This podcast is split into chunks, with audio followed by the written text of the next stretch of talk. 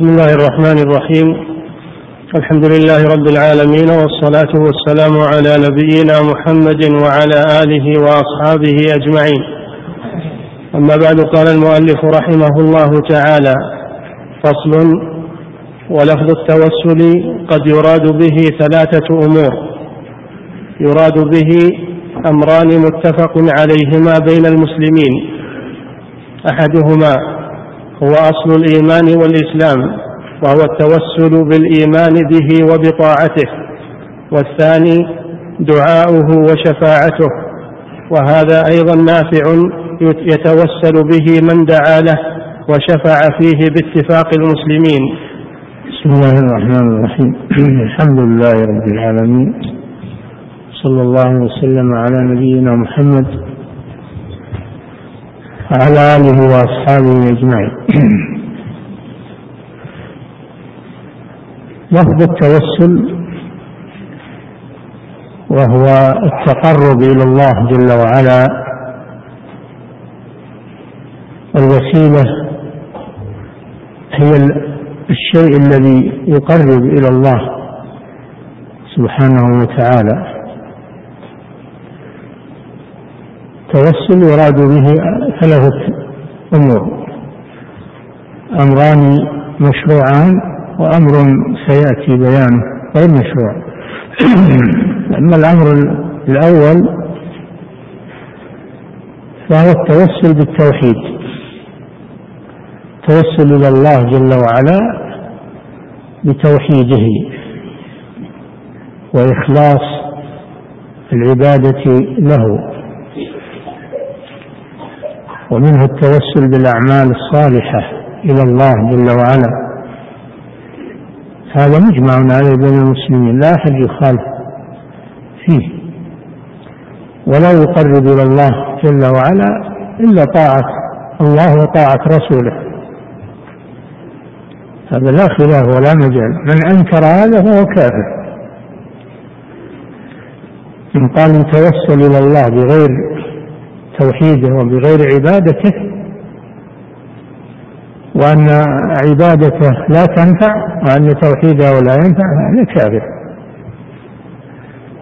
فمن أنكر هذا فهو كافر بإجماع المسلمين كما قال ذنون عليه الصلاة والسلام فنادى في الظلمات لا إله إلا أنت سبحانك إني كنت من الظالمين. توسل إلى الله بتوحيده وإفراده بالعبادة.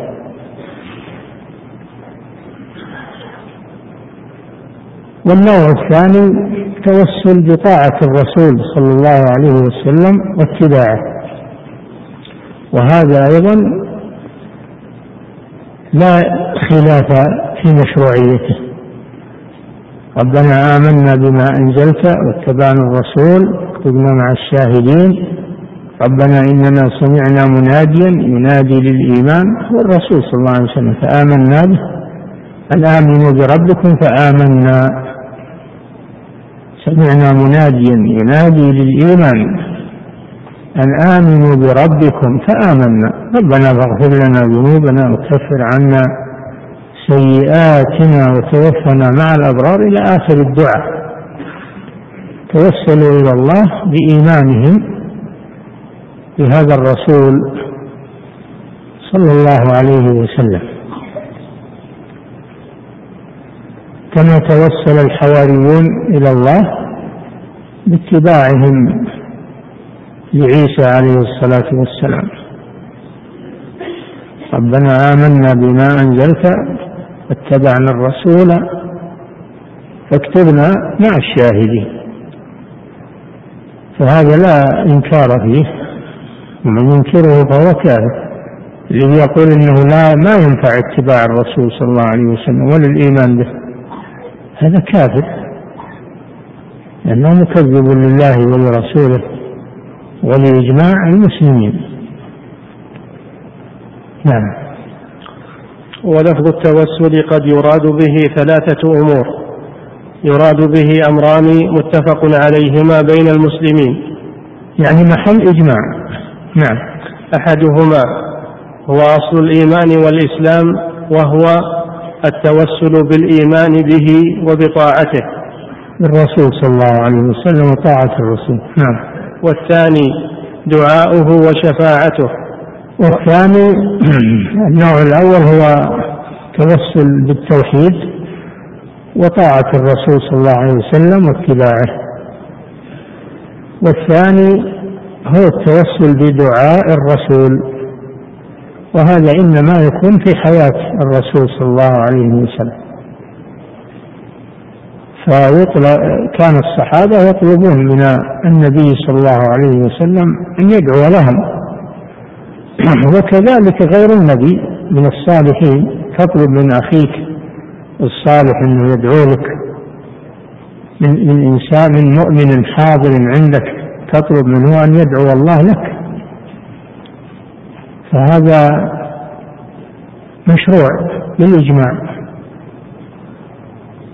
وكذلك الخلق يوم القيامة يطلبون من الرسول صلى الله عليه وسلم أن يشفع لهم يعني يدعو الله لهم في فصل القضاء بينهم الشفاعة العظمى. فهذا لا إنكار فيه. أما طلب الدعاء من الميت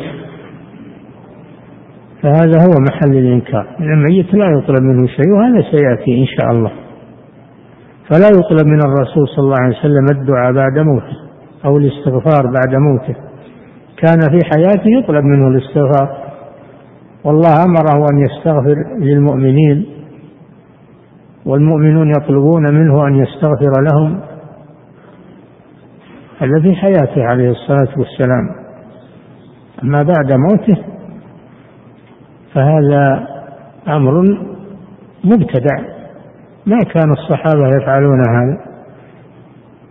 وكانت تصيبهم الشدائد وال وانحباس الأمطار. ما كانوا يذهبون إلى قبره صلى الله عليه وسلم يقولون يا رسول الله ادعوا الله لنا. ادعوا الله لنا كما كانوا في حياته عليه الصلاة والسلام. بل إن بل إن عمر رضي الله عنه لما استسقى أمر العباس أن يدعو ولم يذهب إلى قبر الرسول صلى الله عليه وسلم مع أن الرسول أفضل من العباس لكن العباس حي حاضر أما الرسول صلى الله عليه وسلم فهو ميت لا يطلب منه شيء بعد موته صلى الله عليه وسلم كذلك غيره من الأنبياء والصالحين لا يطلب من الأموات شيء. وهذا سيأتي أيضا من كلام الشيخ رحمه الله. نعم. والثاني دعاؤه وشفاعته وهذا أيضا نافع يتوسل به من دعا له وشفع فيه باتفاق المسلمين. من دعا له الرسول صلى الله عليه وسلم أو شفع فيه يعني دعا له الشفاعة والدعاء بمعنى واحد. فإنه ينفعه ذلك باتفاق المسلمين. نعم. ومن أنكر التوسل به بأحد هذين المعنيين فهو كافر مرتد يستتاب. فإن تاب من أنكر هذين النوعين؟ التوسل باتباعه وطاعته صلى الله عليه وسلم. التوسل بدعائه وشفاعته في حياته. من أنكر هذين فهو كافر. نعم. ومن أنكر التوسل به بأحد هذين المعنيين فهو كافر مرتد يستتاب فإن تاب وإلا قتل مرتدا. نعم. من قال إنه ما ينفع اتباع الرسول ولا طاعة الرسول. ودعاء الرسول لا يستجاب. شفاعته لا تنفع. هذا كافر لأنه مكذب لله ولرسوله ولإجماع المسلمين. نعم. ولكن التوسل بالإيمان به وبطاعته هو أصل الدين وهذا معلوم بالاضطرار من دين الإسلام للخاصة والعامة فمن أنكر هذا المعنى فكفره ظاهر للخاصة والعامة. وأما دعاؤه وشفاعته وانتفاع المسلمين بذلك فمن أنكره فهو أيضا كافر لكن هذا أخفى من الأول فمن أنكره عن جهل عرف ذلك فإن أصر على إنكاره فهو مرتد. نعم. النوع الأول وهو طاعة الرسول واتباعه. من أنكره وقال إنه ما تنفع طاعة الرسول ولا اتباع الرسول هذا كافر لأن هذا أمر معلوم بالضرورة. ما أنكر شيئا معلوما من الدين بالضرورة لا ينكره أحد. أما التوسل بدعاء الرسول وشفاعته في حياته فهذا قد يخفى على الجهال. فلذلك من أنكره ما يبادر بتكفيره بل يبين له فإذا أصر وبقي على الإنكار فإنه يكفر لأنه قامت عليه الحجة. نعم. أما دعاؤه وشفاعته في الدنيا فلم ينكره أحد من أهل القبلة. يعني من المسلمين ما أنكر أن دعاء الرسول ينفع وشفاعة الرسول تنفع. ما أنكر هذا أحد من أهل المسلمين الذين يصلون إلى الكعبة. نعم يعني معناه إجماع من المسلمين. فالذي ينكره يكون مخالفا للإجماع. نعم. وأما الشفاعة يوم القيامة فمذهب أهل السنة والجماعة وهم الصحابة والتابعون لهم بإحسان وسائر أئمة المسلمين الأربعة وغيرهم أن له شفاعات يوم القيامة خاصة أن له شفاعات يوم القيامة خاصة وعامة وأنه يشفع في من يأذن الله له أن يشفع فيه من أمته من أهل الكبائر. ولا ينتفع نعم. شفاعته في الدنيا تكون بما سبق. دعاءه دعاءه للمشفوع له واستغفاره له. دعاء للمشفوع له واستغفاره له. أما شفاعته في الآخرة فهي أيضا ثابتة وهي أنواع. منها ما هو خاص به صلى الله عليه وسلم ومنها ما هو مشترك بينه وبين غيره من الأنبياء والمرسلين والصالحين والملائكة. شفاعته صلى الله عليه وسلم في الآخرة على قسمين خاصة ومشتركة. الخاصة شفاعته العظمى هذه خاصة به صلى الله عليه وسلم. شفاعته في دخول أهل الجنة الجنة. هذه أيضا خاصة به صلى الله عليه وسلم. شفاعته في في رفع درجات من دخل الجنة إلى درجة أعلى. هذا كله خاص به صلى الله عليه وسلم. وأما الشفاعة المشتركة هي الشفاعة في أهل الكبائر من المؤمنين هذه مشتركة. في من استحق النار في من استحق دخول النار وهو من أهل الإيمان بسبب كبائر ارتكبها سبب كبائر ارتكبها. فهذه الشفاعة ثابتة وهي مشتركة بينه وبين غيره من الأنبياء والمرسلين والملائكة والصالحين. نعم. وأنه صلى الله عليه وسلم يشفع في من يأذن الله له أن يشفع فيه من أمته من أهل الكبائر. ولا نعم. ينتفع وكما سبق أن الشفاعة لا تكون إلا بإذن الله جل وعلا. لا أحد يشفع عنده إلا بإذنه. لا الرسول صلى الله عليه وسلم ولا غيره. نعم. ولا ينتفع بشفاعته إلا أهل التوحيد المؤمنون دون أهل الشرك. نعم. الشفاعة سواء من الرسول صلى الله عليه وسلم أو من غيره لا تنفع إلا لأهل التوحيد. الذين ارتكبوا كبيرة أو كبائر من الذنوب دون الشرك. أما أهل الشرك فهؤلاء ما تنفع فيهم شفاعة لا الرسول ولا غيره ولا الملائكة ولا أحد. ما يشفع أحد في الكفار يوم القيامة. ما للظالمين من حميم ولا شفيع يطاع. وهذه هي الشفاعة المنفية في القرآن الشفاعة في أهل الكفر. هذا نوع. النوع الثاني الشفاعة التي بغير إذن الله. هذه منفية أيضا. نعم. ولا ينتفع بشفاعته إلا أهل التوحيد المؤمنون دون أهل الشرك. ولو كان المشرك محبا له معظما له لم تنقذه شفاعته من النار. نعم. حتى ولو كان المشرك يحب الرسول صلى الله عليه وسلم. في من المشركين من يحبون الرسول صلى الله عليه وسلم. كأبي طالب عم أبي طالب إنه كان يحبه. ويحنو عليه ويناصره. ولكنه أبى أن يسلم مات على الكفر. ما تنفع شفاعة الرسول صلى الله عليه وسلم في الخروج من النار وإنما نفعته في تخفيف العذاب عنه فقط. أما الخروج من النار فالكافر لا يخرج من النار أبدا لا بشفاعة ولا وما هم بخارجين من النار لا بشفاعة ولا بغيرها. نعم. ولو كان المشرك محبا له معظما له لم تنقذه شفاعته من النار. هذا فيه رد على الذين يدعون محبة الرسول صلى الله عليه وسلم ولا يعملون بسنته ويقولون تكفينا المحبة تكفينا أن نحب الرسول. أننا نقيم له المولد بمناسبة المولد هذا تعظيم الرسول ومحبة الرسول.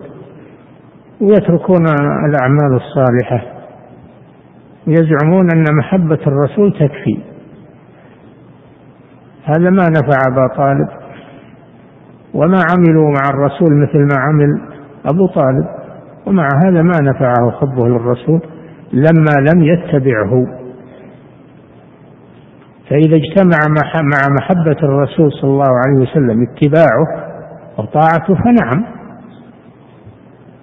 أما إذا اقتصر على المحبة ولم يتبعه فهذا لا تنفعه شفاعة الرسول صلى الله عليه وسلم ولا يشفع الرسول ما يشفع فيه يوم القيامة. نعم.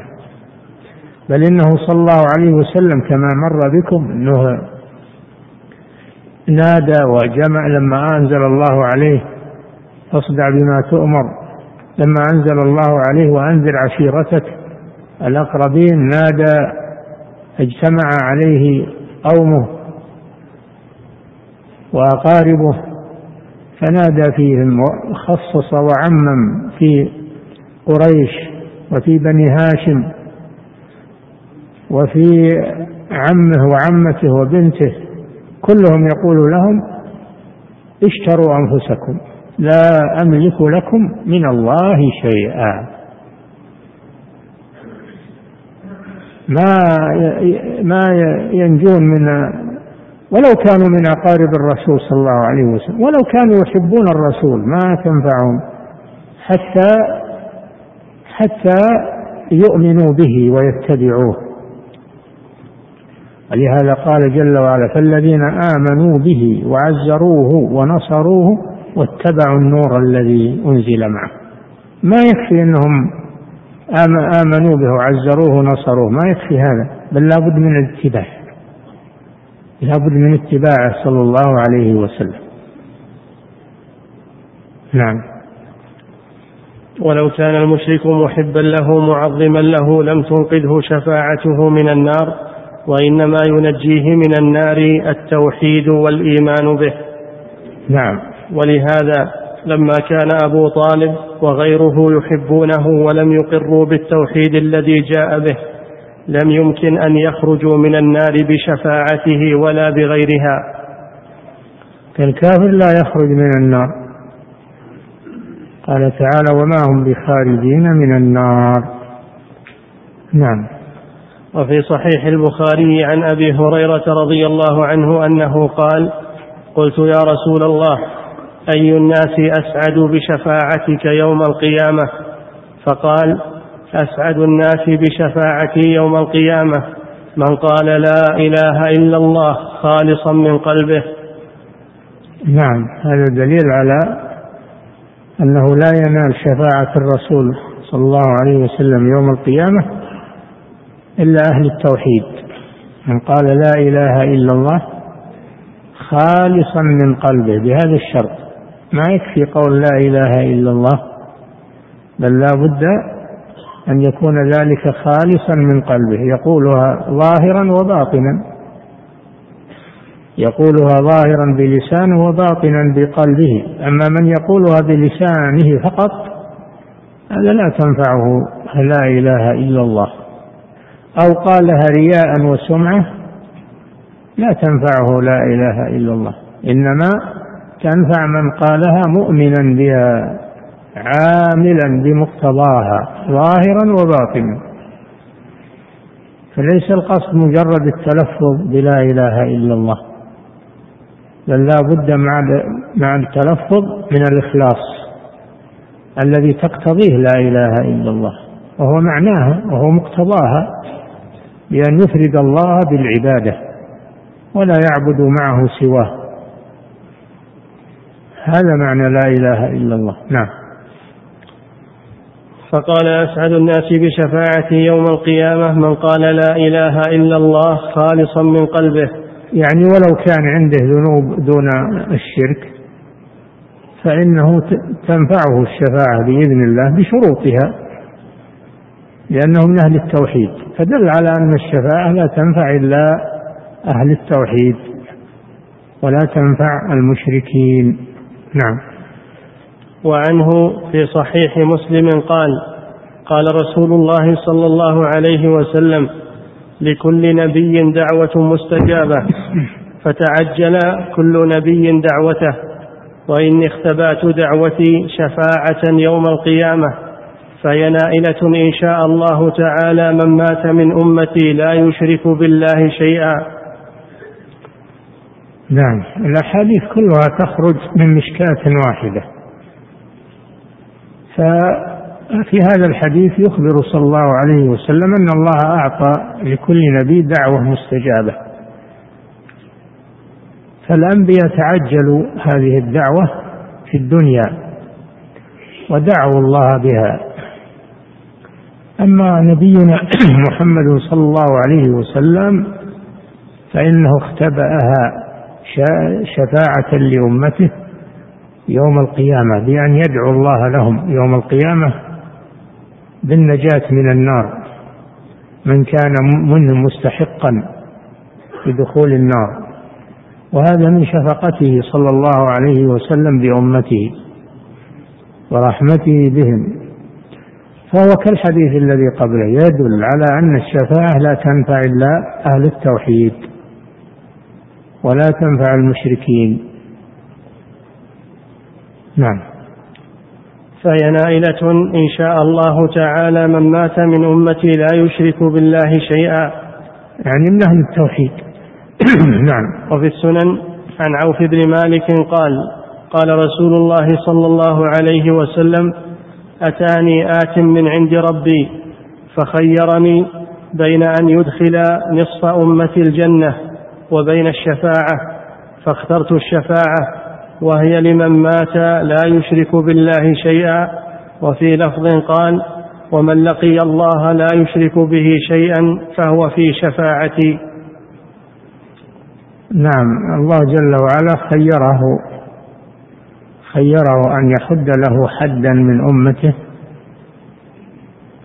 يخرجهم من النار. للنصف. أو أنه يعطيه الشفاعة من غير حد.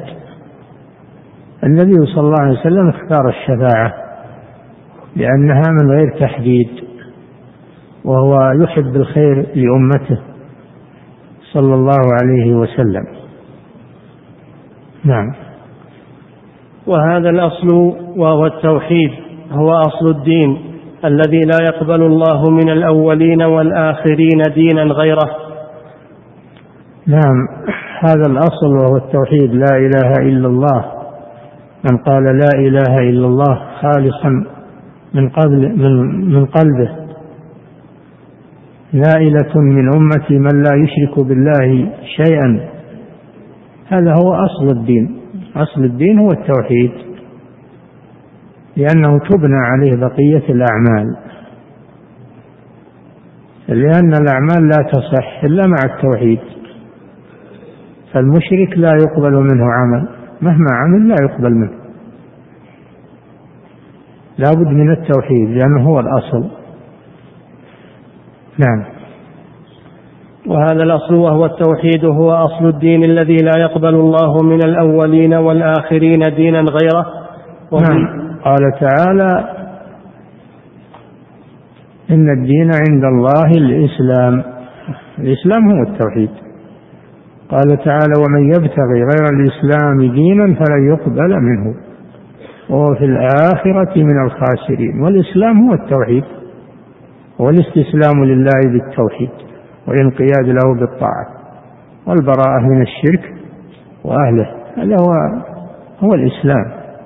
وهذا دين جميع الرسل كل الرسل جاءوا بهذا جاءوا بالتوحيد الذي هو الإسلام لله عز وجل. نوح عليه السلام يقول وأمرت أن أكون من المسلمين. وإبراهيم وإسماعيل آه، إبراهيم قال الله له أسلم. قال أسلمت لرب العالمين. وقال هو وإسماعيل ربنا واجعلنا مسلمين لك. قال موسى لقومه يا قوم إن كنتم آمنتم بالله فعليه توكلوا إن كنتم مسلمين. فالإسلام هو التوحيد. هو التوحيد وهو دين جميع الرسل. نعم. وبه أرسل الله الرسل وأنزل الكتب. هذا هو هو دين جميع الرسل. به أمر الله يعني بالتوحيد. أمر الله جميع الرسل. ما أرسلنا من قبلك من رسول إلا نوحي إليه أنه لا إله إلا أنا فاعبدوه يلقي الروح من أمره على من يشاء من عباده أن أنذروا أنه لا إله إلا أنا فاعبدوه نعم. وبه أرسل الله الرسل وأنزل الكتب كما قال الله تعالى واسأل من أرسلنا من قبلك من رسلنا أجعلنا من دون الرحمن آلهة يعبدون. واسأل من أرسلنا يقول الله لنبيه محمد صلى الله عليه وسلم اسأل الرسل قبلك. أجعلنا من دون الرحمن آلهة يعبدون؟ أبدا. كل الرسل جاءوا بنفي هذا والنهي عنه. نعم. وقال الله تعالى وما أرسلنا من قبلك من رسول إلا نوحي إليه أنه لا إله إلا أنا فاعبدون. نعم هذا هو التوحيد وهو دين جميع الرسل. نعم. وقال الله تعالى ولقد بعثنا في كل أمة رسولا أن اعبدوا الله واجتنبوا الطاغوت فمنهم من هدى الله ومنهم من حقت عليه الضلالة. ولقد بعثنا في كل أمة رسولا أن يعبدوا الله واجتنبوا الطاغوت. هذا هو التوحيد. عبادة الله وترك عبادة ما سواه. فالله أرسل جميع الرسل بهذا. نعم. وقد ذكر الله عز وجل عن كل من الرسل أنه افتتح دعوته بأن قال لقومه اعبدوا الله ما لكم من إله غيره. كل رسول يقول لقومه يبدأ أول ما يبدأ يقول يا قوم اعبدوا الله ما لكم من إله غيره كما قال نوح وكما قال هود وكما قال صالح كما قال شعيب كما في سورة الأعراف. في سورة الأعراف هذا كله مذكور. أن كل رسول يقول لقومه اعبدوا الله ما لكم من إله غيره. وإبراهيم إذ قال لقومه اعبدوا الله فكل الرسل قالوا هذا. نعم. وفي المسند عن ابن عمر رضي الله عنهما عن النبي صلى الله عليه وسلم أنه قال بعثت بالسيف بين يدي الساعة حتى يعبد الله وحده لا شريك له وجعل رزقي تحت ظل تحت ظل رمحي وجعل الذلة والصغار على من خالف أمري ومن تشبه بقوم فهو منهم. وهذا الحديث يقول فيه الرسول صلى الله عليه وسلم بعثت بالسيف. يعني بالجهاد. بالجهاد في سبيل الله لأجل أي شيء حتى يعبد الله وحده. لأن هذا هو الذي خلق الله الخلق من أجله. فإذا عبدوا غيره استحقوا أن يقاتلوا حتى يكون الدين كله لله. قاتلوهم حتى لا تكون فتنة ويكون الدين كله لله. هذا هو المقصود من الجهاد حتى يعبد الله وحده. فلا يجوز للمسلمين أن يتركوا المشركين يعبدون غير الله ويدعون إلى الشرك وينشرون الكفر وهم يقدرون على جهادهم. ما يجوز هذا تعطيل الجهاد عند الاستطاعة والمقدرة؟ لا يجوز للمسلمين. وعزت بالسيف حتى يعبد الله وحده. فهذا دليل على أن الغرض من الجهاد في سبيل الله هو أن يعبد الله وحده. ليس الغرض الطمع في الأموال أو في الممالك أو العلو في الأرض.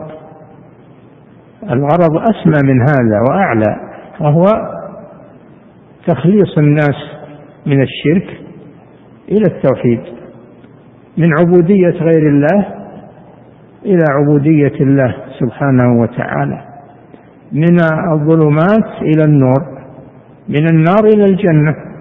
هذا هو الغاية من الجهاد في سبيل وهو لمصلحة البشرية. هو لمصلحة البشرية. ما ما هو من أجل الضرر إلحاق الضرر بهم أو الترفع عليهم إنما هو لمصلحتهم فهم يقاتلون لمصلحتهم. هذا هو الغرض من الجهاد حتى يعبد الله وحده. وجعل رزقي نعم.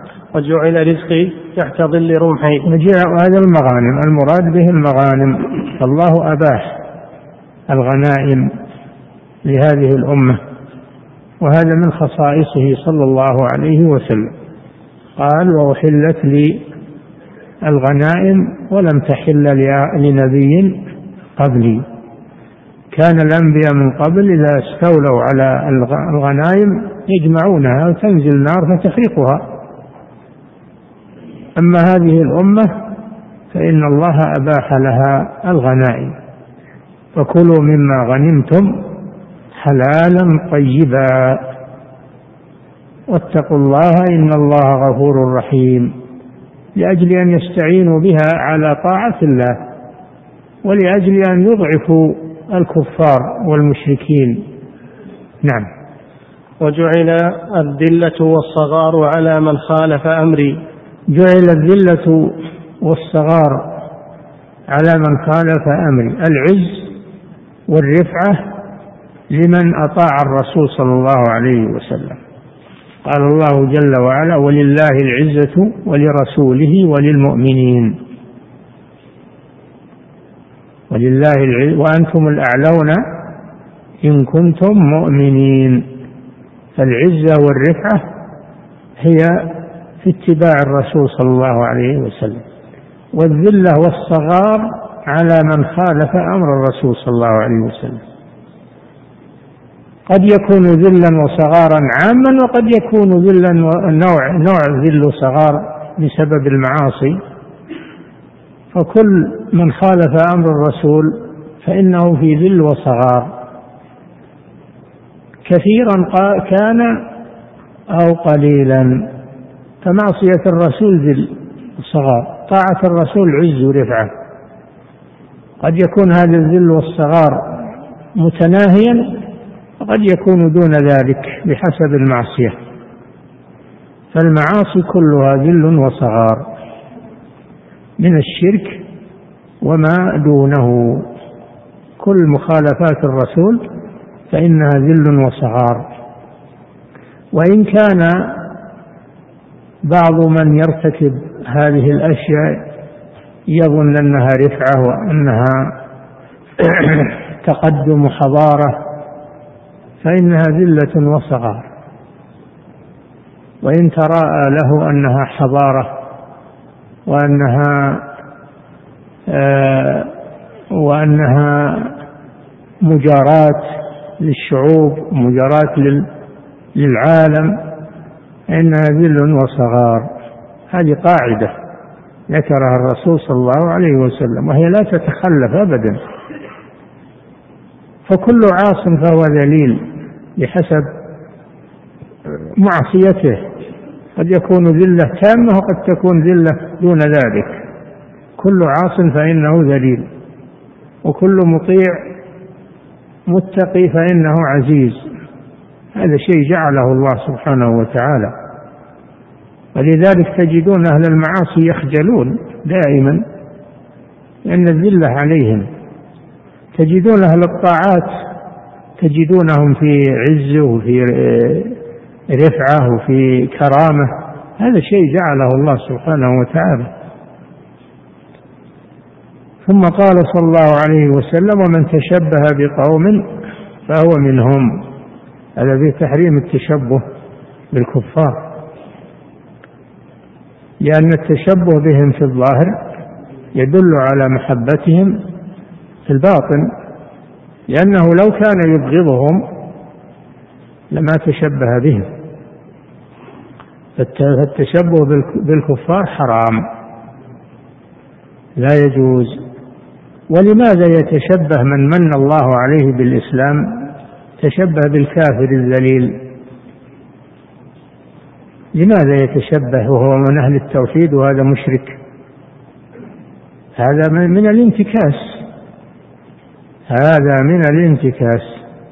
فلا يكون المسلم تابعا للكفار وإنما يعتز بدينه وبشخصيته الإسلامية بأي مكان كان. أو بلا راح البلاد الكفر يجاريهم ويوافقهم. لا هو يعتز بدينه في أي مكان. قال صلى الله عليه وسلم اتق الله حيثما كنت. فهو مسلم في أي مكان هو مسلم. يجب أن يعتز بإسلامه. وإذا اعتز بإسلامه جعل الله له الهيبة حتى عند الكفار. وإذا وإذا وافقهم وجاراهم جعل الله عليه الذلة. حتى وإن أظهروا له التقدير والاحترام فإنهم فإنه ذليل عندهم وينتقدونه أيضا. نعم. وهذا الشيء جعله الله سبحانه وتعالى الذلة والصغار على من خالف أمري. نعم. والمشركون من قريش وغيرهم الذين أخبر القرآن بشركهم واستحل النبي صلى الله عليه وسلم دماءهم وأموالهم وسبي حريمهم. نعم وسبى. وسبى حريمهم وأوجب لهم النار. كانوا مقرين بأن الله وحده خلق السماوات والأرض كما قال تعالى لما ذكر أن لما ذكر أن أن أن الأصل الذي تبنى عليه الذي يبنى عليه الدين والملة هو التوحيد. أراد أن يبين ما هو التوحيد. لأن بعض الناس يفهم أن التوحيد هو أن تقر بأن الله هو الخالق الرازق المحيي المميت المدبر. توحيد الربوبية. يظن أن هذا هو التوحيد.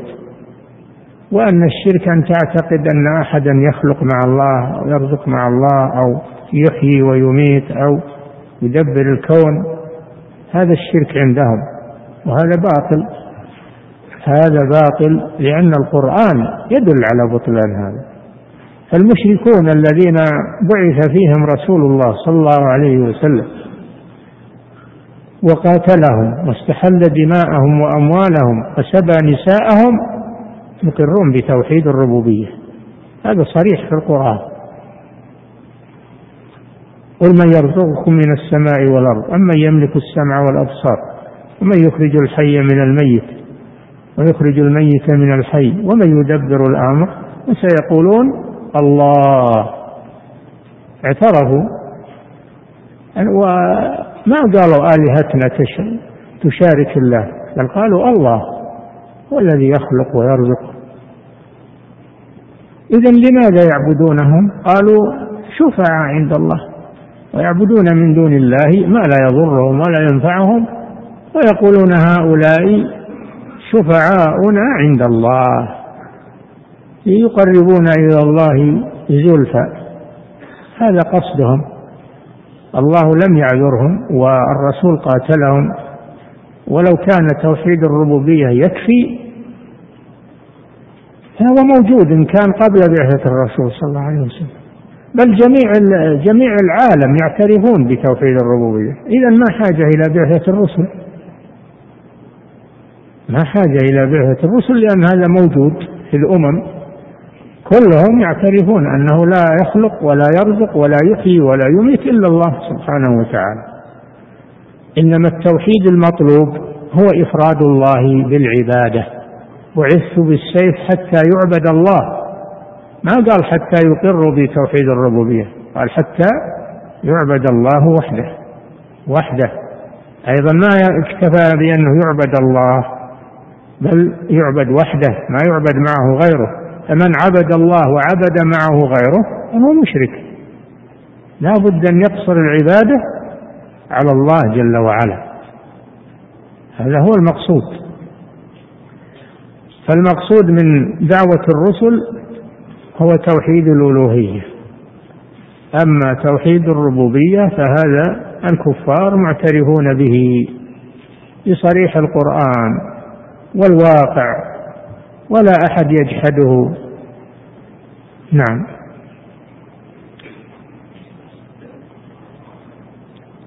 والمشركون من قريش وغيرهم الذين أخبر القرآن بشركهم استحل النبي صلى الله عليه وسلم دماءهم وأموالهم وسبى حريبهم وأوجب لهم النار. كانوا مقرين بأن الله وحده خلق السماوات والأرض كما قال تعالى ولئن سألتهم من خلق السماوات والأرض ليقولن الله قل الحمد لله بل أكثرهم لا يعلمون وقال تعالى ولئن سألتهم من خلق السماوات والأرض وسخر الشمس والقمر ليقولن الله فأنا يؤفكون. نعم. وقال تعالى قل لمن الأرض ومن فيها إن كنتم تعلمون. سيقولون لله قل أفلا تذكرون؟ قل من رب السماوات السبع ورب العرش العظيم؟ سيقولون لله قل أفلا تتقون؟ قل من بيده ملكوت كل شيء وهو يجير ولا يجار عليه إن كنتم تعلمون. سيقولون لله قل فأنا تسحرون بل أتيناهم بالحق وإنهم لكاذبون. ما اتخذ الله من ولد وما كان معه من إله إذا لذهب كل إله بما خلق ولعلى بعضهم على بعض. سبحان الله عما يصفون. كل هذه الآيات وأمثالها كلها تدل على أن المقصود بالتوحيد الذي دعت إليه الرسل هو توحيد. العبودية توحيد العبادة توحيد الألوهية توحيد القصد. هذا هو التوحيد الذي جاءت الرسل بالدعوة إليه وجحده المشركون قديما وحديثا. هذا موضع الخصومة بين المشركين وبين المسلمين وبين الأنبياء والصالحين والمشركين. ولا يزال هذا إلى الآن وإلى ما يشاء الله. هو موضع الخصومة. توحيد الألوهية توحيد العبادة توحيد الطلب والقصد. هذا هو المقصود. والله جل وعلا ألزمهم ألزمهم هذه الإلزامات. يسألهم فإذا أجابوا ألزمهم. فلماذا إذا تعبدون معه غير؟ إذا كان الذي خلق السماوات والأرض هو الله لماذا تعبدون معه غيره؟ من لا يخلق من لا يخلق شيئا. إذا كان الله هو الذي يرزق فلماذا تعبدون من لا يرزق؟ ولا يملك لكم رزقا من السماوات والأرض شيئا ولا يستطيعون. إذا كان الله هو الذي يملك الضر والنفع وما شاء كان وما لم يشاء لم يكن. فلماذا تدعون معه غيره؟ من لا يملك لنفسه نفعا ولا ضرا. لكن العقول تغيب والجهل والجهل آه، يغطي العقول والتقليد الأعمى. كل هذا مما يسبب الانتكاس في الفكر. ولهذا قال بل أكثرهم لا يعلمون. قل الحمد لله بل أكثرهم لا يعلمون. نعم. وكان المشركون الذين جعلوا معه آلهة أخرى مقرين بأن آلهتهم مخلوقة ولكنهم كانوا يتخذونهم شفعاء ويتقربون بعبادتهم إليه كما قال الله تعالى ويعبدون من دون الله ما لا يضرهم ولا ينفعهم ويقولون هؤلاء شفعاؤنا عند الله. ما لا يضرهم ولا ينفعهم. هذا باعترافهم أنها لا تضرهم يعني لا تملك لهم ضرا ولا نفعا. هم معترفون بهذا. لكن يقولون شفعاؤنا عند الله. هل الله أمركم بهذا؟ أن تعبدوا هذه وتقولون هذه تشفع لنا عند الله؟ هذا ما شرعه الله. الله أمر بعبادته وحده. نعم. ويقولون هؤلاء شفعاؤنا عند الله. قل أتنبئون الله بما لا يعلم في السماوات ولا في الأرض سبحانه وتعالى عما يشركون. نعم سماه شركا. وهم يقولون ما نعبدهم. وهم يقولون شفعاؤنا عند الله. ما قالوا هؤلاء شركاء لله؟ قالوا شفعاء. الله سماه شركا. نزه نفسه عنه. قال سبحانه وتعالى عما يشركون. سماه شركا. وإن كانوا يزعمون أنه ليس بشرك وإنما هو توسل إلى الله عز وجل. يسمونه توسل. يقربون هذا التوسل ليقربون إلى الله زلفى ليشفعوا لنا عند الله. توسل هذا توسل باطل. نعم. وقال الله تعالى تنزيل الكتاب من الله العزيز الحكيم إنا أنزلنا إليك الكتاب بالحق فاعبد الله مخلصا له الدين. ألا لله الدين الخالص؟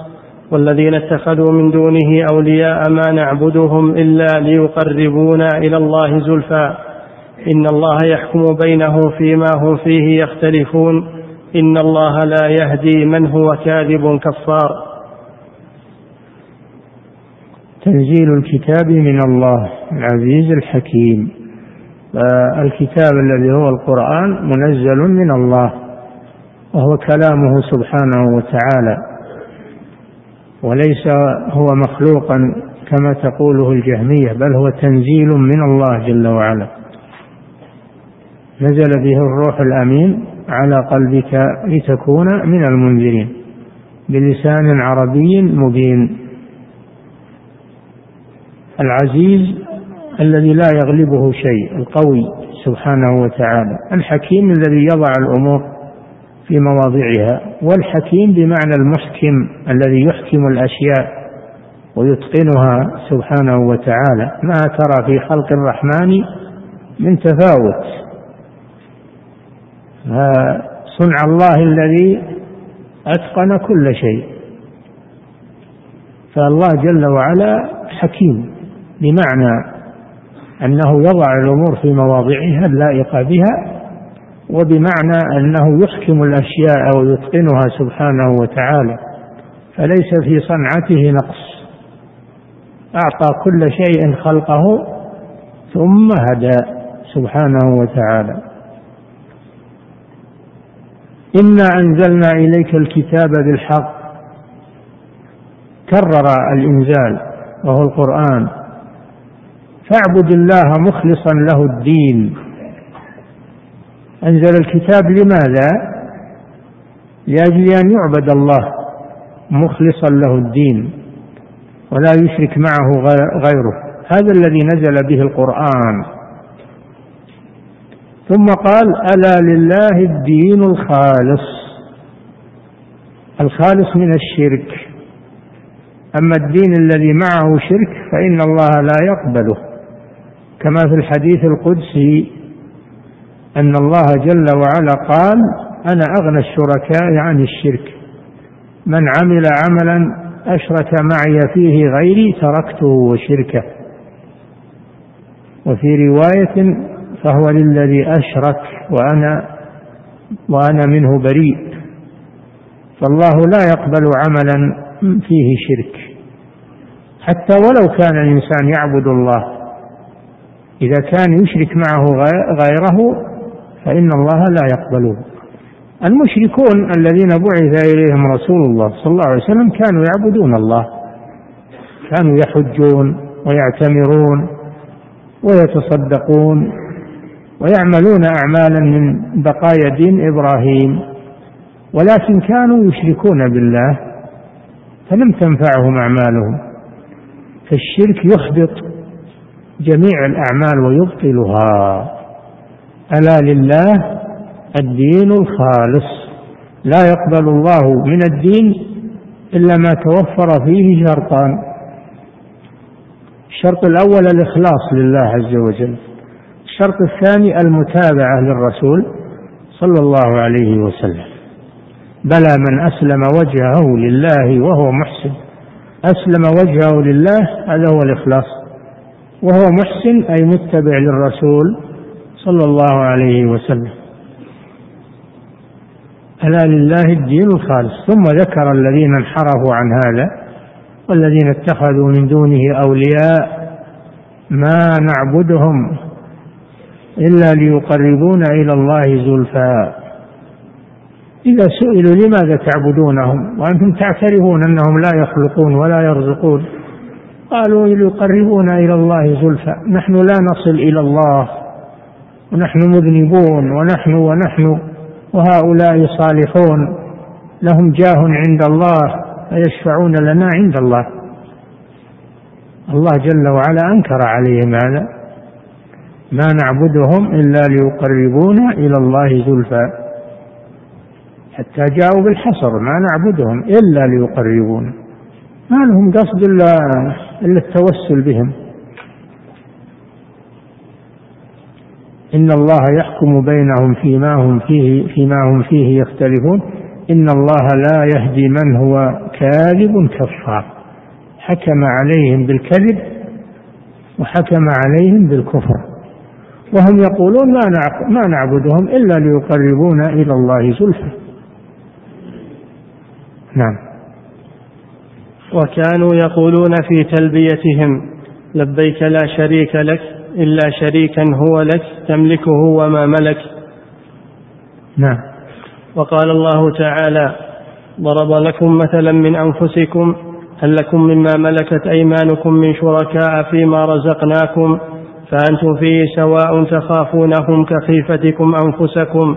كذلك نفصل الآيات لقوم يعقلون بل اتبع الذين ظلموا أهواءهم بغير علم فمن يهدي من أضل الله وما لهم من ناصرين فأقم وجهك للدين حنيفا فطرة الله التي فطر الناس عليها لا تبديل لخلق الله ذلك الدين القيم ولكن أكثر الناس لا يعلمون منيبين إليه واتقوه وأقيموا الصلاة ولا تكونوا من المشركين من الذين فرقوا دينهم وكانوا شيعا كل حزب بما لديهم فرحون نعم هذه الآيات من سورة الروم.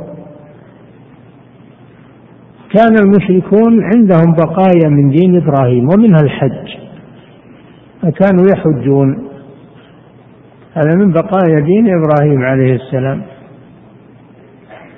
لكنهم كانوا يدخلون فيه الشرك وذلك في التلبية فيقولون لبيك لا شريك لك. إلا شريكا هو لك تملكه وما ملك. قولهم إلا شريكا إلى آخره هذه زيادة من عندهم. والتلبية تلبية التوحيد هي التي لبى بها رسول الله صلى الله عليه وسلم. لبيك لا شريك لك. إن الحمد والنعمة لك والملك لا شريك لك. هذه تلبية التوحيد. أما إلا شريكا هو لك هذه تلبية المشركين هذا مثل قولهم ما نعبدهم إلا ليقربونا إلى الله زلفى تماما مثله تماما. إلا شريكا هو لك مثل قولهم ما نعبدهم إلا ليقربونا إلى الله زلفى ومثل قوله ما ويقولون هؤلاء شفعاؤنا عند الله. تملكه وما ملك. شوف يقولون تملكه وما ملك ما له شيء بعد سبحان الله إذا كان ما ما يملك شيء كيف تتخذونه؟ وش منين يعطيكم لو صار ما يملك شيء؟ منين يعطيكم؟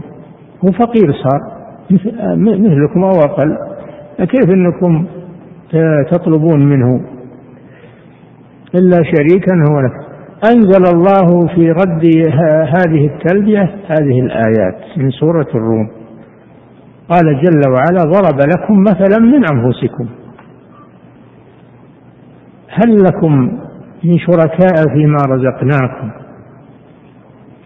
هل لكم مما ملكت أيمانكم من شركاء فيما رزقناكم فأنتم فيه سواء تخافونهم كخيفتكم أنفسكم كذلك نفصل الآيات لقوم يعقلون بل اتبع الذين ظلموا أهواءهم بغير علم فمن يهدي من أضل الله وما لهم من ناصرين.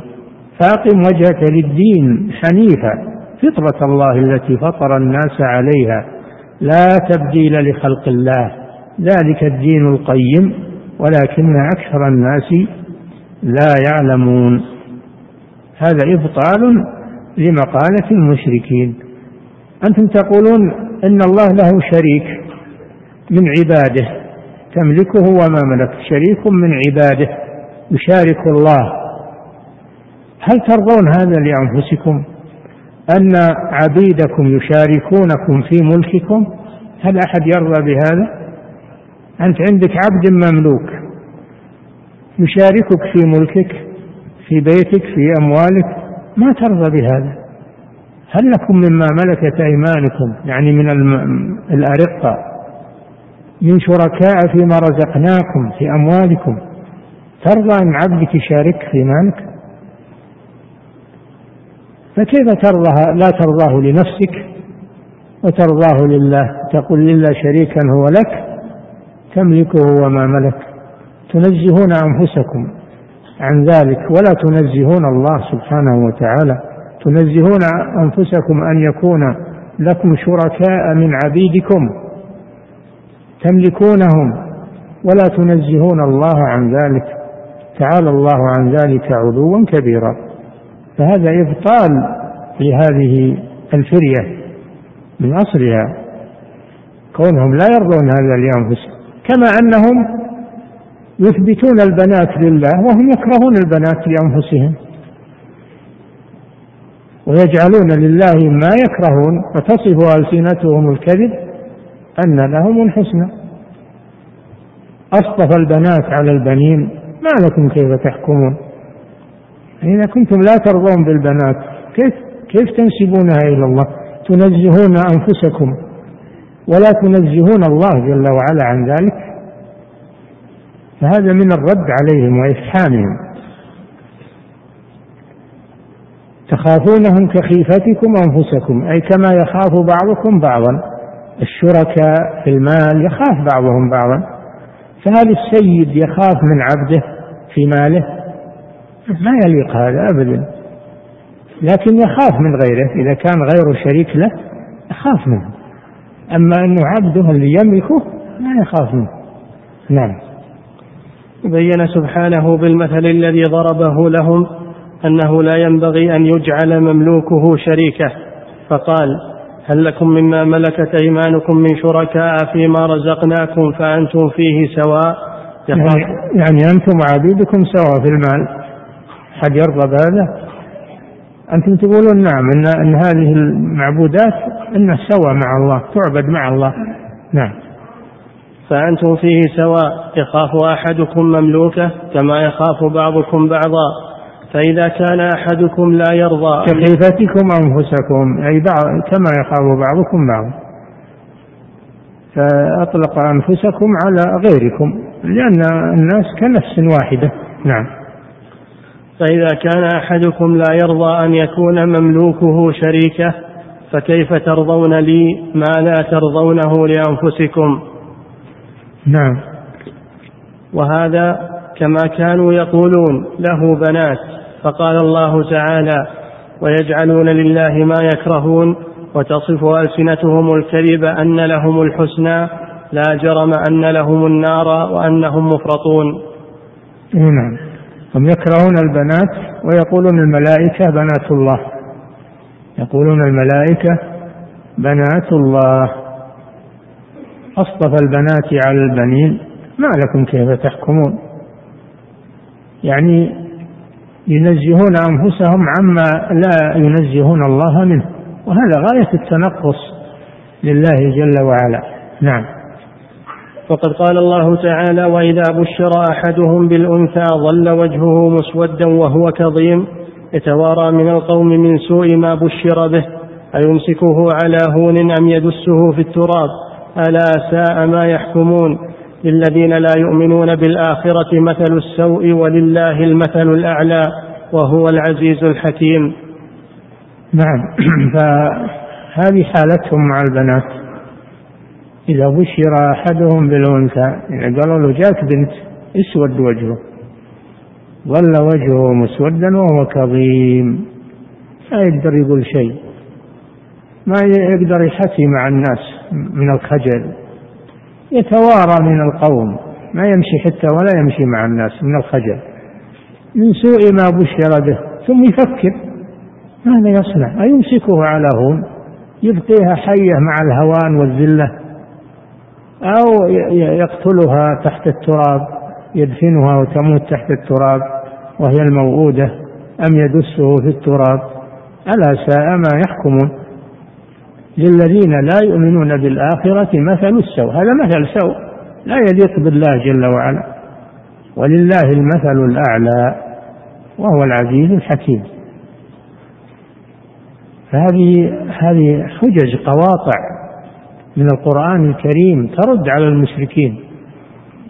نعم. والمشركون الذين وصفهم الله ورسوله بالشرك أصلهم صنفان. قوم نوح وقوم إبراهيم. يكفي نقف عندهم.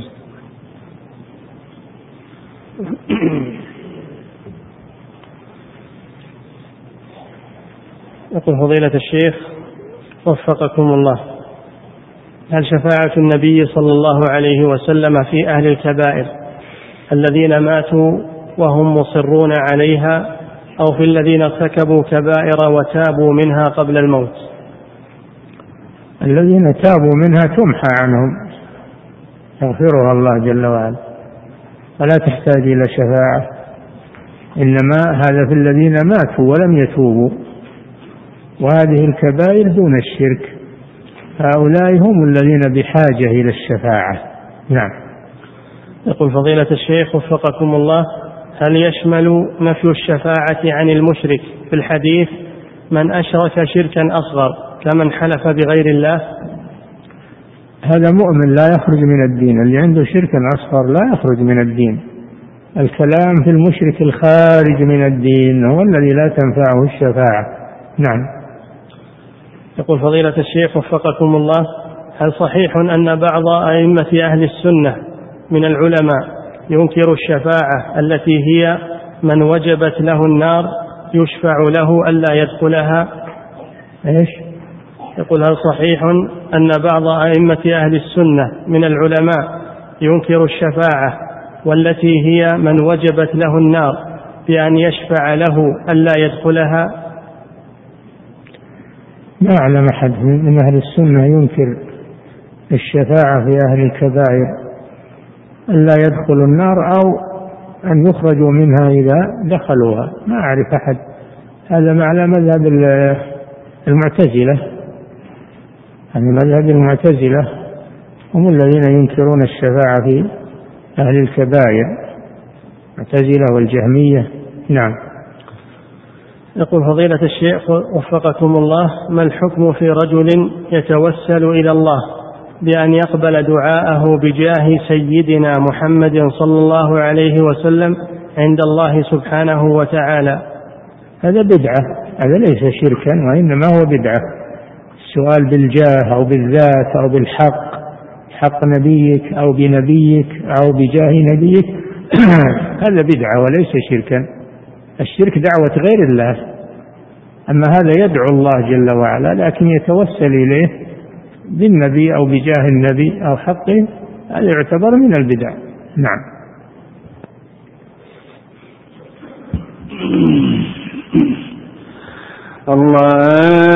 الله أكبر الله أكبر الله أكبر الله أكبر.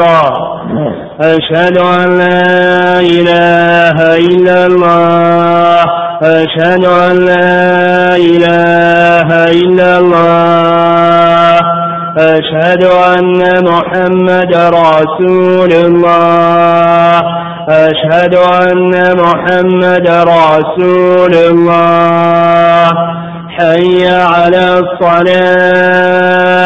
حي على الصلاة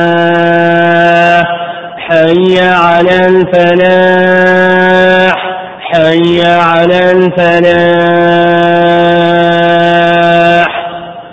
الله أكبر الله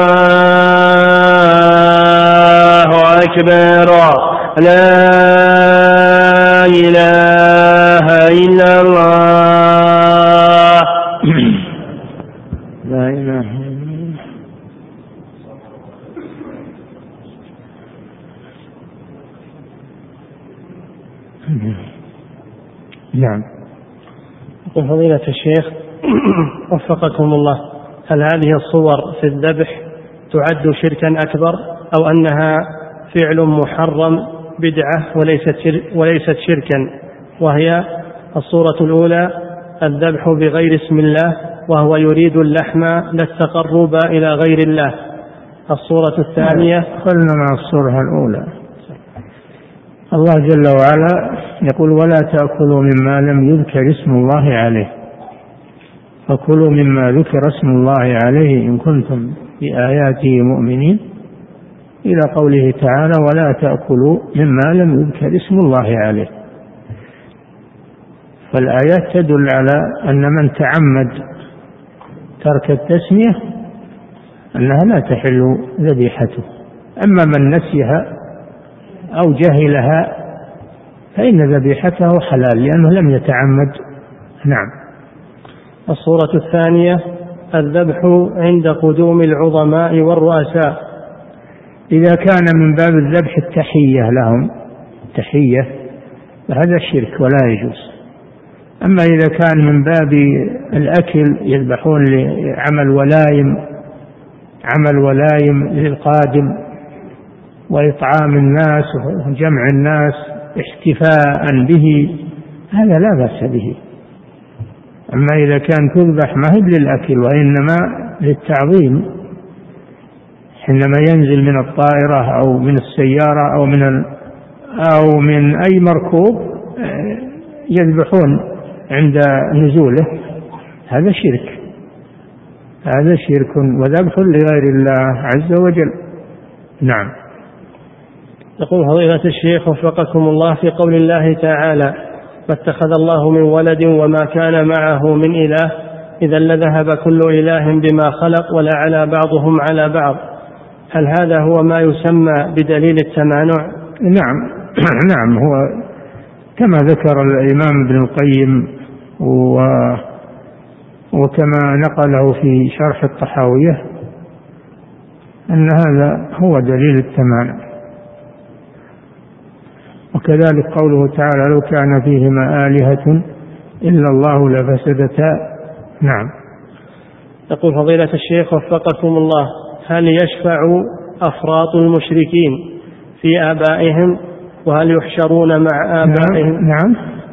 هل يشفع أفراط المشركين في آبائهم؟ لا أفراط المشركين تبع آبائهم تبع آبائهم في الدنيا يعاملون معاملة آبائهم. أما في الآخرة فهم اختلف العلماء فيهم والراجح والله أعلم أن تفويض أمرهم إلى الله عز وجل. قيل يبعث إليهم رسول ويمتحنون. فمن أطاع الرسول دخل الجنة ومن عصاه دخل النار. الله أعلم بمآلهم. ولا يشفعون المشرك لا تنفعه شفاعة لا من ابنه ولا من غيره. لا من ابنه ولا من غيره ما تنفعه شفاعة.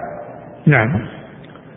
يقول فضيلة الشيخ وفقكم الله النبي صلى الله عليه وسلم له دعوات كثيرة مستجابة في الدنيا فكيف نجمع بين هذا الواقع وبين حديث وإني اختبأت دعوتي شفاعة يوم القيامة؟ وين وين الأدعية اللي أنت تقول جب عليها أدلة ونشوف نعم. يقول فضيلة الشيخ وفقكم الله. هو الظاهر أن قصده الدعوات الدعوة العامة دعوة العامة. أما دعوات خاصة يدعو بها الرسول صلى الله عليه وسلم ويستجاب نعم هذا واقع. هي دعوات خاصة لكن الكلام على الدعوة العامة نعم للأمة كلها. نعم.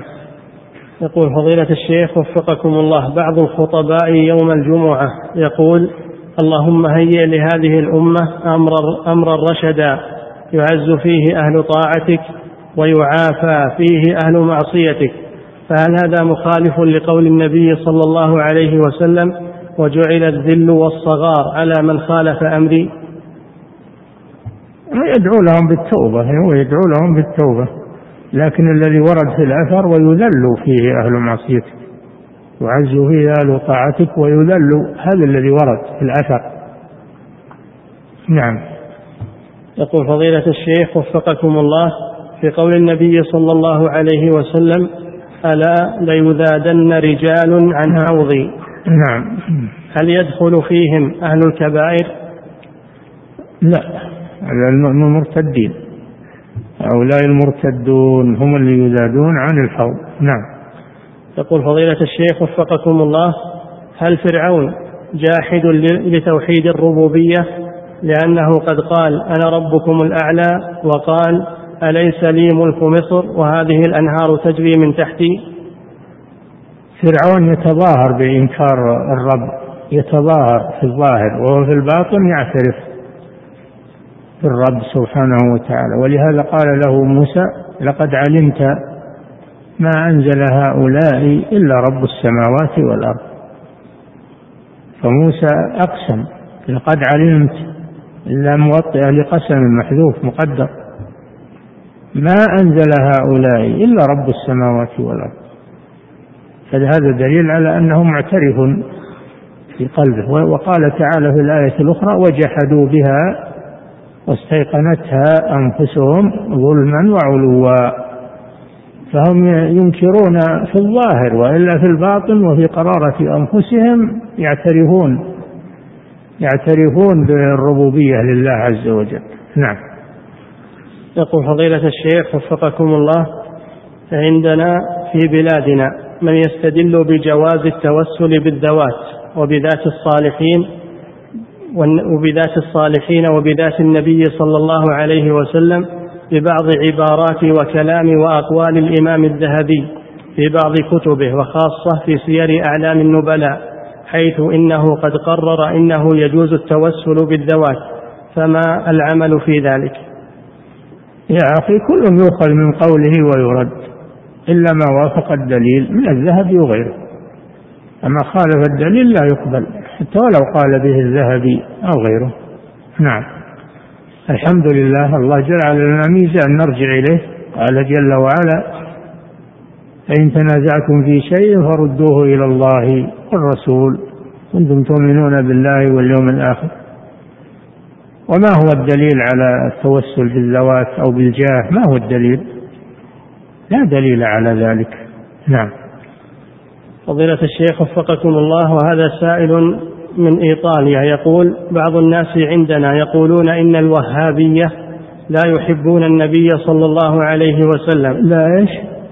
يقول بعض الناس عندنا يقولون إن الوهابية لا يحبون النبي صلى الله عليه وسلم لا إيش؟ لا يحبون. أي لا يحبون النبي صلى الله عليه وسلم لأنهم يقولون لا يجوز التوسل بالنبي صلى الله عليه وسلم فكيف نرد عليهم؟ الأمر سهل. نرد عليهم بأن ما, الدليل على أن, أن أن الذي يحب النبي يتوسل به؟ اللي يحب النبي يتبعه هذا هو المطلوب. أما أنه يتوسل به وش الدليل؟ يجيب له اللي يجيبون لنا دليل على هذا. إن من علامة محبة النبي التوسل به يجيبون لنا دليل على هذا. نعم. يقول فضيلة الشيخ وفقكم الله بعض الناس يقول إن بعض الكفار الموجودين الآن لم تبلغهم الحجة فلا نكفرهم حتى نقيم عليهم الحجة كل شخص بذاته فكيف الرد على ذلك؟ يلا بلغوهم لا صرتوا تقولون إنه ما ما بلغهم بلغوهم. ما بتسكتون تقولون ما بلغتهم الدعوة. هذا من ناحية. الناحية الثانية أنا ما أعتقد أن أحد على وجه المعمورة لم تبلغه الدعوة. خصوصا بعد تطور وسائل الإعلام والنقل السريع واختلاط العالم والقرآن يتلى في الإذاعات وفي والتسجيلات وعلى الهواء ويروح.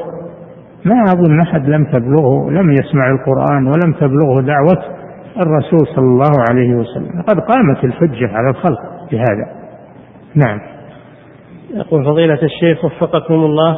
في قول الله سبحانه واسأل من أرسلنا من قبلك من رسلنا أجعلنا من دون الرحمن آلهة يعبدون. كيف يكون سؤال النبي صلى الله عليه وسلم للأنبياء قبله؟ هل ذلك في الإسراء والمعراج؟ يسألهم بالرجوع إلى إلى كتبهم. يسألهم بالرجوع إلى كتبهم وإلى سيرهم ودعوتهم. يعرف هذا. نعم.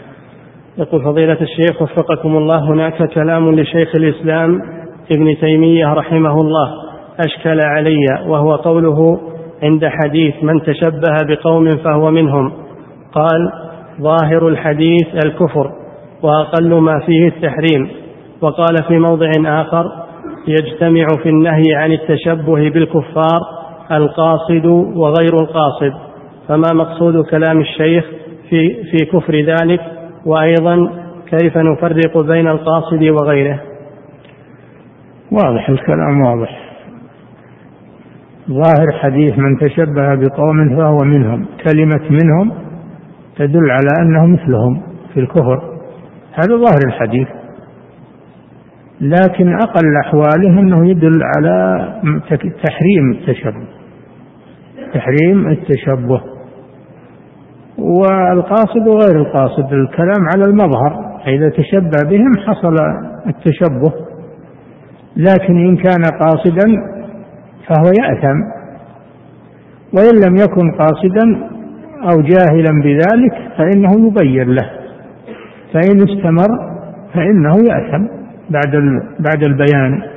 نعم. يقول فضيلة الشيخ وفقكم الله رأيت أحد الناس في مقبرة وقد جلس أمام أحد القبور رافعا يديه بالدعاء وأظن أنه يدعو للميت. فهل هذا الدعاء بهذه الصفة جائز؟ نعم إذا زرت الميت سلمت عليه تدعو له. أو إذا مررت بالمقابر مقابر المسلمين تدعو لهم كما كان النبي صلى الله عليه وسلم. فعلوا ذلك.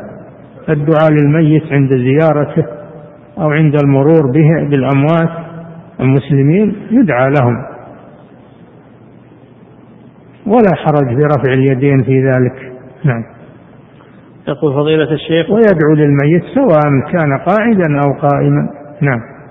يقول فضيلة الشيخ وفقكم الله ما الحكم في الرجل الذي إذا ذهب إلى البلاد الكافرة يلبس لباسهم ولا يلبس اللباس الذي كان يلبسه في بلد قومه؟ فهل يعد متشبها؟ نعم. يعد متشبها. إلا لو خاف أنه إذا بقي على ملابسه خاف على نفسه أو على ماله. فيلبس لباسهم من أجل اتقاء شرهم. في هذه الحالة رخصوا له. أما إذا كان آمنا ولا يخاف وإنما حمله على ذلك التشبه بهم فهذا لا يجوز. نعم. يقول فضيلة الشيخ وفقكم الله يحتج الصوفية بحديث سؤال الملكين في القبر بقولهم من ربك؟ على أن معنى التوحيد المطلوب هو توحيد الربوبية. فكيف الجواب عن هذا؟ يا سبحان الله وما دينك؟ ورخ الله. ورخ الله وما دينك. هذا هو التوحيد. من ربك وما دينك؟ هذا هو معنى شهادة أن لا إله إلا الله وأن محمد رسول الله. يأخذ كلمة ويترك الباقي. نعم. يقول فضيلة الشيخ وفقكم الله عندنا مدرس ينصحنا دائما بقراءة كتاب معين فلما قرأته وجدت فيه هذا الكلام وهو أن أبا ذر الصحابي الجليل رضي الله عنه يعد اشتراكيا وأنه قد أخذ هذه النزعة من النبي صلى الله عليه وسلم. فما حكم قراءة هذا الكتاب وكيف نتعامل مع مثل هذا المدرس؟ هذا الكتاب اشتراكي ويريد أنه يبرر الاشتراكية ويلصقها بأبي ذر رضي الله عنه. أبو ذر إنما هو صحابي زاهد زاهد في الدنيا ولا يحب جمع المال أكثر من حاجته من باب الزهد لا من باب التحريم. ما يرى أن جمع المال زيادة على الحاجة أنه حرام. لكن يرى أن ما زاد على الحاجة أن الأولى للإنسان أنه يتصدق به ويتخلص منه. هذا اللي يراه أبو أبو ذر رضي الله عنه. هم معناه أنه يحرم جمع المال من كسب طيب. الصحابة كانوا زملاء وإخوانه من الصحابة كانوا أصحاب أموال. كانوا أصحاب أموال ويجمعون المال وأصحاب ثروات وينفقون في سبيل الله. نعم. يقول فضيلة الشيخ وفقكم الله عرض علي زميل لي قطعة أرض عليها قرض عقاري لم يصرفه بعد وعرض علي الأرض بمبلغ وقدره ستون ألفا علما بأن الأرض لا تتعدى قيمتها العشرين ألف. إلا أنه قد رفع السعر بسبب بيعه إياها مع القرض فهل يجوز لي شراؤها ونقل القرض باسمي؟ لا يجوز بيع القرض لأنه بيع دراهم بدراهم ولا يجوز. أما أنه يبيع الأرض بكيفه يبيع الأرض ملكه يبيعها. أما يبيع معها القرض لا هذا لا يجوز. نعم. يقول فضيلة الشيخ وفقكم الله. ما يسمى بالبرمجة العصبية ما هي الفتوى الشرعية فيها؟ والله أنا ما أعرفها. والحمد لله أني ما أعرفها. نعم. يقول فضيلة الشيخ وفقكم الله الأشرطة التي قد كتب عليها حقوق الطبع محفوظة إذا نسخت منها فهل يعتبر ذلك من حقوق العباد التي يقتص منها يوم القيامة؟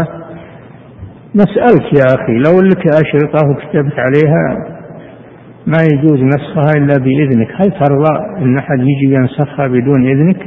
ما ترضى بهذا. فكيف أن تفعل هذا مع غيرك؟ اللي كتب عليها ما يبغى أحد أنه ينسخها إلا بإذنه أو يشتريها منه. هذه حقه وشغله وتعبه. لا يجوز الاعتداء على حقوق الناس وعلى ممتلكات الناس. نعم. يقول فضيلة الشيخ وفقكم الله التجنس بجنسية الدول الكافرة لأجل طمع في الدنيا هل يعد من التشبه؟ أشد من التشبه. التجنس بجنسياتهم يدخل تحت حكمهم تحت حكم الكفر ويسري عليه نظام الكفر فهو أشد من من التشبه. نعم. يقول فضيلة الشيخ وفقكم الله أبي قد أخذ قرضا ربويا فبنى شقتين فوق البيت بهذا المال فهل يجوز لي ولإخوتي السكن في هذه الشقق؟ علما بأننا إذا لم نسكن فيها فإن أبي سيقوم بإيجارها لبعض الناس ويشغل هذا المال الربوي فما الحكم في ذلك؟ الحكم في ذلك أنك تتجنبها. وتستغني بالله عنها وأما تصرف والدك هذا شيء في ذمته هو المسؤول عنه بعد مناصحته. نعم. انتهى. الله تعالى أعلم وصلى الله وسلم على نبينا الله أكبر.